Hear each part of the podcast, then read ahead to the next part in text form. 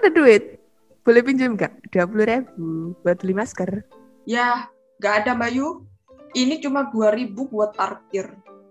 Halah sobat Miss Queen, nih ambil lima puluh ribu sekalian langganan parkir sebulan di situ.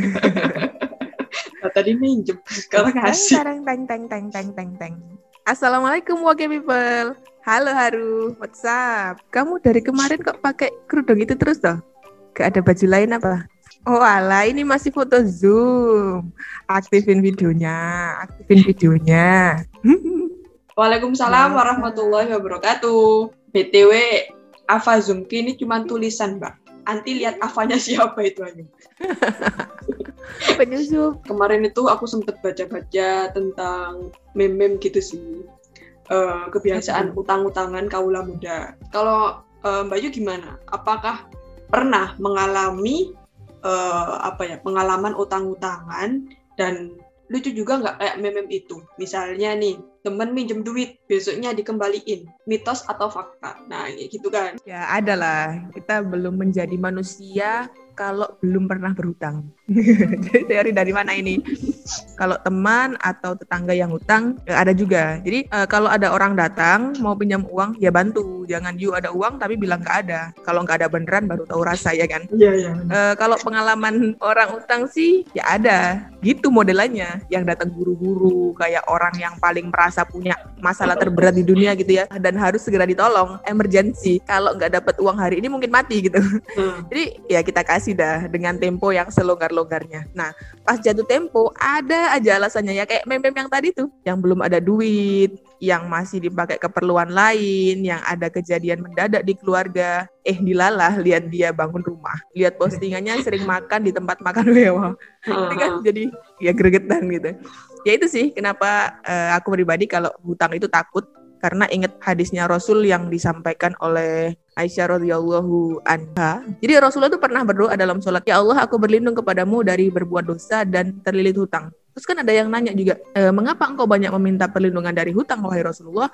Nah Rasulullah jawab lagi, Sesungguhnya seseorang apabila telah berhutang, ketika dia berbicara biasanya berdusta dan bila berjanji sering menyelisihinya. Nah, emang bener sih Soalnya ada aja alasannya pas ditagih, bahkan lebih galak dan dia ngasih jadi sungkan sendiri. Ya, pokoknya ngeri lah ngeri. Ya baru. Kalau aku sih juga pernah tiba-tiba datang gitu kan, dan tiba-tiba juga ngilang. Udah kayak kilat aja gitu. Nah cuman ghosting. ada sih, iya, ya mirip-mirip ghosting gitulah. Kitanya kan jadi yang kepikiran gitu kan, karena dia tiba-tiba ngilang tanpa kabar gitu.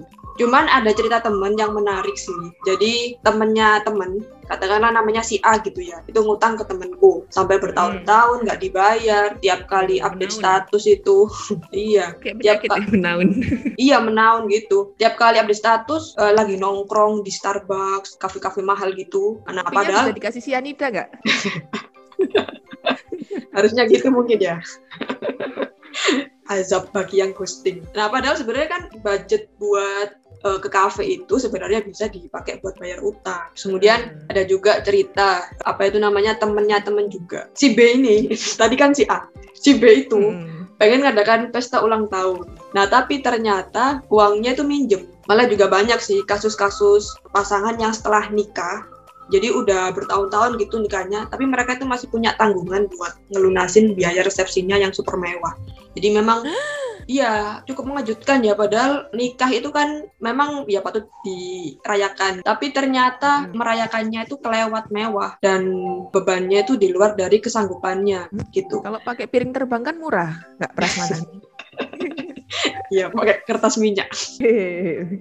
nah, dari kasus-kasus tadi kan kita bisa simpulkan ya bahwa sebenarnya jarang orang yang ngutang itu untuk memenuhi kebutuhan. Malah kebanyakan dari mereka itu ngutang karena untuk memenuhi keinginan atau gengsi aja menurut mm -hmm. Nah, ini pun juga sebenarnya kemarin aku juga baca artikel di tirto.id bahwa ada riset dari Cadence International Indonesia pada tahun 2013 28% masyarakat kelas menengah di Indonesia mengalami defisit penghasilan karena utang yang dipakai untuk konsumerisme. Hmm, besar nah, pasak daripada tiang ya? Nah, iya betul. Hmm. Kenapa? Karena memang kalangan kelas menengah ini tadi yang kebanyakan kejebak hutang tadi, mereka punya keinginan untuk menaikkan status sosial mereka. Jadi mereka itu ingin tampil menjadi upper class atau uh, menjadi kelas atas lah gitu. Padahal sebenarnya mereka ya kelas menengah. Misalkan hmm. ada HP keluaran baru. Nah biasanya itu hmm. yang menyerbu itu kelas menengah. Nah ternyata bener sih HP-nya baru tapi hasil ngutang kayak gitu loh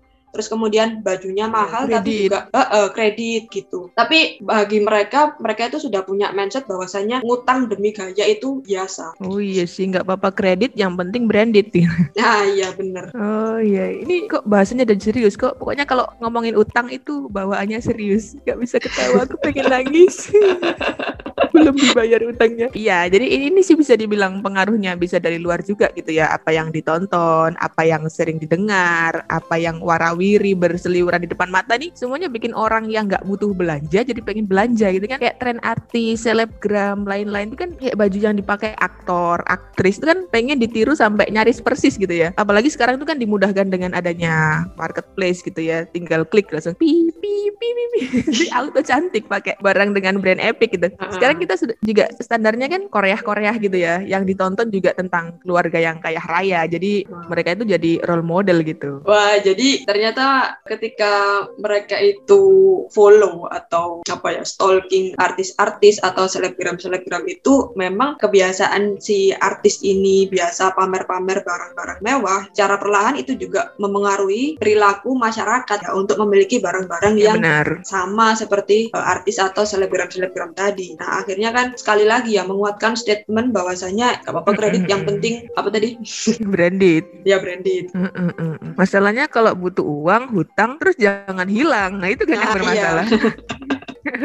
nah akhirnya kan Soalnya, masyarakat lagi yang kena efeknya ya masyarakat yang tidak hobi hutang. benar. Iya iya. Jadinya banyak juga rentenir di mana-mana tuh. Tiap hari kan ada tuh ya pesan kami dari menyediakan jasa hutang pinjaman online dan lain-lain. Jaminannya ginjal anda 생각이 나.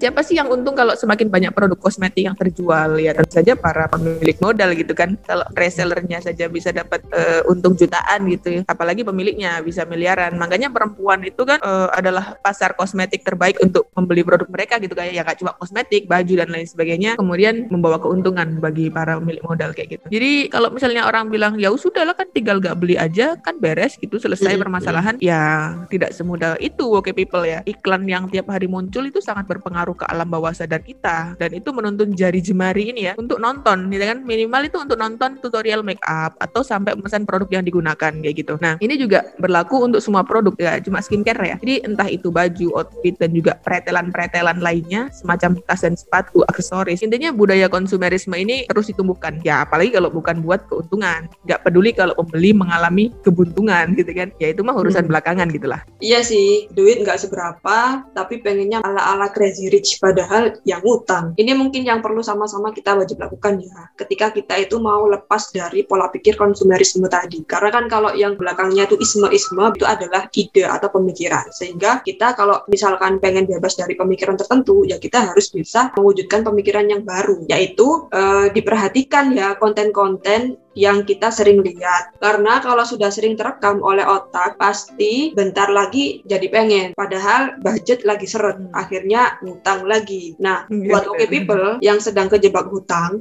maka coba deh diubah dulu mindsetnya untuk mau bergaya hidup sederhana. Sebagaimana sabda Rasul, jauhilah gaya hidup mewah. Sesungguhnya hamba-hamba Allah itu bukan orang-orang yang bermewah-mewahan. Atau hadis lain yang juga mengungkapkan hal yang sama. Sesungguhnya hidup sederhana itu termasuk bagian dari iman. Atau kalau hmm, mindset sudah diubah, minimalis gitu. Ya, minimalism gitu kan. Jadi kita ubah mindset dulu sebelum kemudian take action. Jadi kalau misalkan cuma sekedar bayar, terus nanti pasti utang lagi, bayar lagi, utang lagi kan. Padahal utangnya tadi bukan sebuah hal yang memang butuh untuk dilakukan. Jadi harus iya, diubah. Iya, jadi gali lubang tutup lubang itu. Nah, kayak lagu aja ya.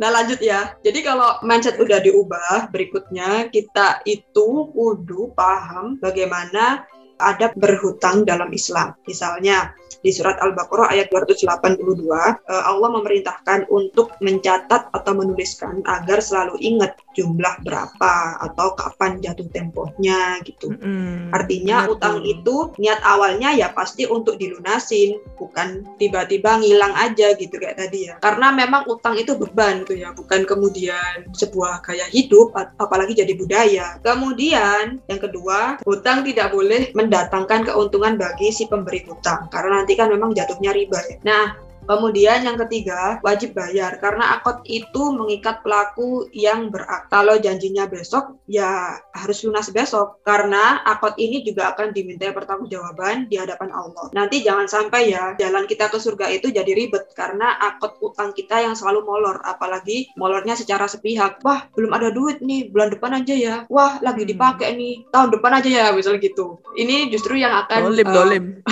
Solimi. justru akan merumitkan jalan kita menuju surga. Hmm, benar-benar. Uh, tadi kan dia bahkan dikuatkan hadis sama ayat Al-Quran. Saya, aku sih pernah uh, tahu hadisnya itu dari hadis riwayat Tirmizi gitu ya dikatakan bahwasanya kalau jiwa seorang mukmin itu masih bergantung dengan hutangnya hingga ia melunasinya. Kalau jiwanya kan berarti sampai mati hutang itu dibawa gitu ya. Jadi harta itu nggak dibawa mati, tapi hutang itu dibawa mati. Iya. Ngeri kalau orang kemudian punya hutang tapi nggak ada ahli warisnya yang melunasi. Jadi makanya ketika hidup itu uh, tadi ahlaknya seorang muslim ketika berhutang adalah ya dengan melunasinya sesuai dengan karena uh, di hadis yang lain itu kan man mata atau barang siapa yang mati wa alaihi dan atasnya dia itu ya uh, masih memiliki hutang dinaru au dirhamu. Jadi baik itu dengan dinar atau dirham. Yang dicontohkan dinar dirham karena pada saat itu memang penggunaan mata uangnya dinar dirham. Kalau di sini kan ya pakai uang kertas gitu ya. Uh, kemudian kodo maka akan digantikan atau dilunasi gitu ya min hasanatihi dengan kebaikannya Bayangkan, jadi orang yang mati, kemudian dia itu masih punya hutang, maka hutangnya itu akan dibayar dengan kebaikannya. Entah itu dengan pahalanya yang dikurangi, atau kemudian pahalanya dikasihkan orang yang menghutangi.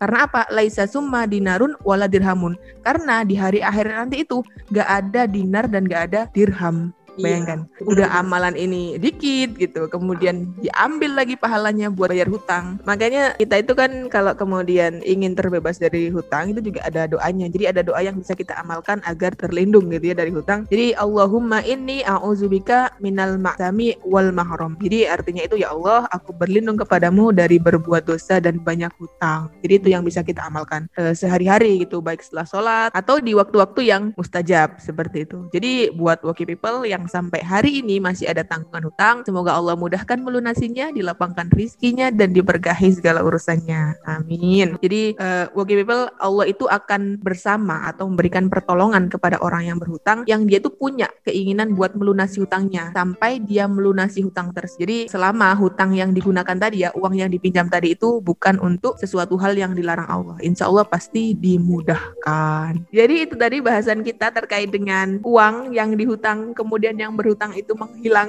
Uh, semoga menjadi introspeksi dari masing-masing dari kita gitu ya. Kalaupun kita hutang, maka kita tahu adabnya.